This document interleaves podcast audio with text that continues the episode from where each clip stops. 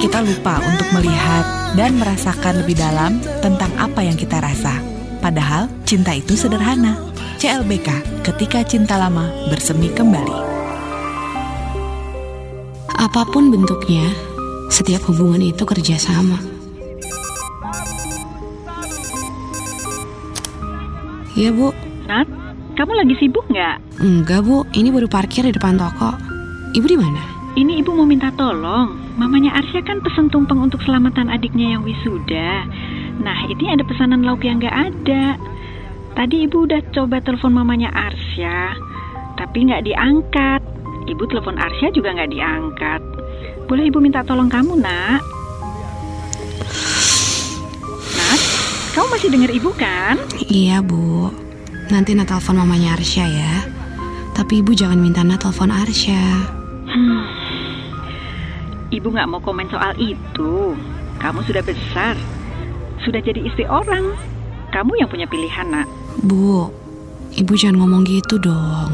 Nadia, ibu bisa apa sekarang? Ini rumah tangga kamu, nak. Ibu cuma bisa kasih saran saja. Selebihnya, kamu yang jalanin. Tapi, satu pesan ibu ya, apa pun bentuknya, setiap hubungan itu kerjasama. Kalau sudah mulai merasa terpaksa, lebih baik diselesaikan. Hmm, Nadia, nanti ibu telepon lagi ya. Ini ibu mau nyiapin sarapan buat ayah kamu. Kamu baik-baik ya, nak. iya bu. Salam buat ayah ya. Doain Nat juga bu. Selalu, sayang.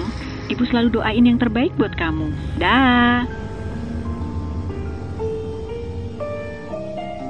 Dari semua orang, mungkin cuman ibu yang gak bisa gue bohongin.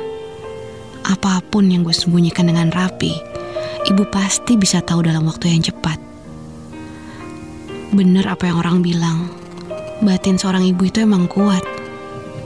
Ibu juga orang yang pertama kali gue ceritain soal perpisahan sementara gue dan Arsya. Jangan ditanya, gimana sedihnya ibu. Terlahir sebagai anak tunggal, ngebuat ibu sangat sayang sama Mas Arsya. Bahkan mungkin lebih sayang ke Mas Arsya dibanding gue. Setiap kali ibu ke rumah kami, yang selalu dibawa ya masakan kesukaan Mas Arsya. Soto ayam. Seenak apa pun soto ayam buatan gue, selalu lebih senang lihat Mas Arsya makan lahap soto buatan ibu. Rasanya gue pengen cepet melalui hari ini dan pulang ke rumah ibu. Tapi kok nggak tega liat muka ibu setiap gue cerita. Gue gue gak sampai hati bikin ibu nangis. Bu, maafin Nadia, Bu.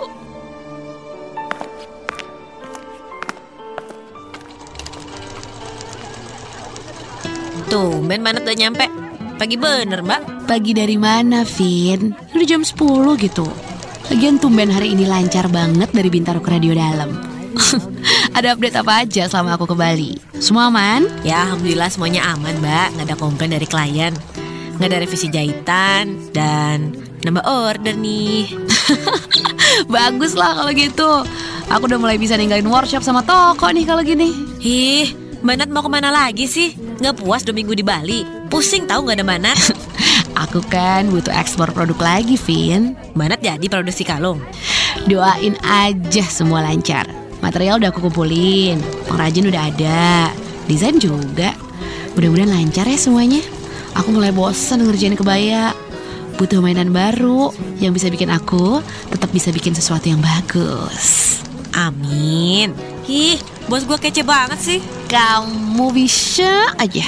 Eh, eh, iya mbak. Mbak, ngomongin kebaya aku jadi inget nih. Pesanannya Bu Astrid udah jadi. Tapi si ibu baru bisa fitting besok.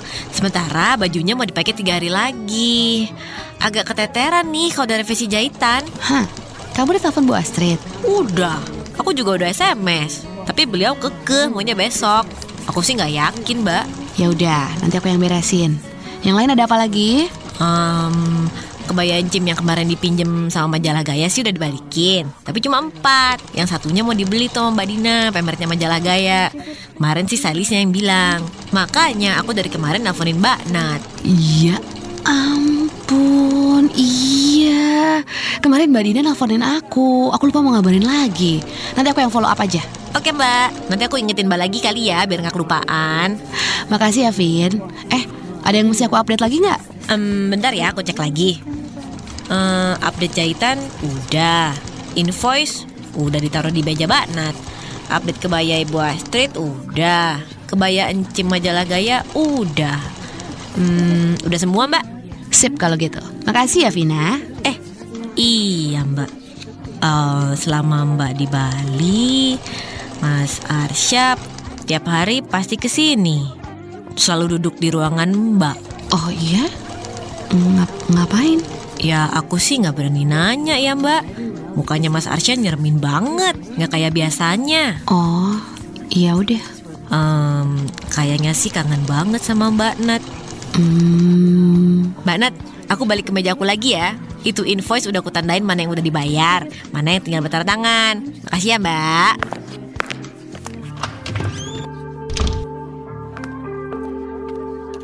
setiap hari rasanya cerita Vina tadi cukup nampar gue.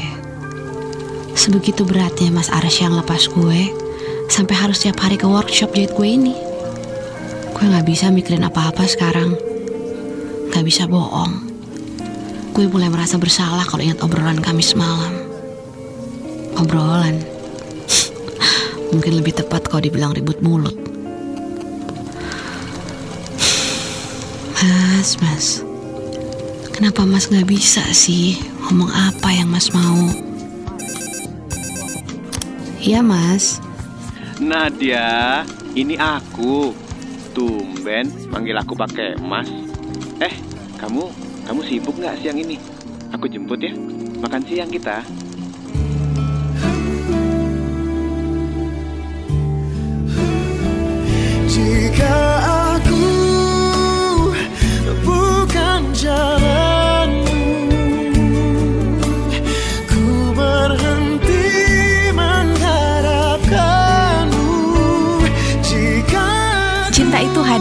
Bukan hanya ada untuk senang-senang dan berbagi ketika kita sedang sedih, tapi juga untuk belajar tentang hidup.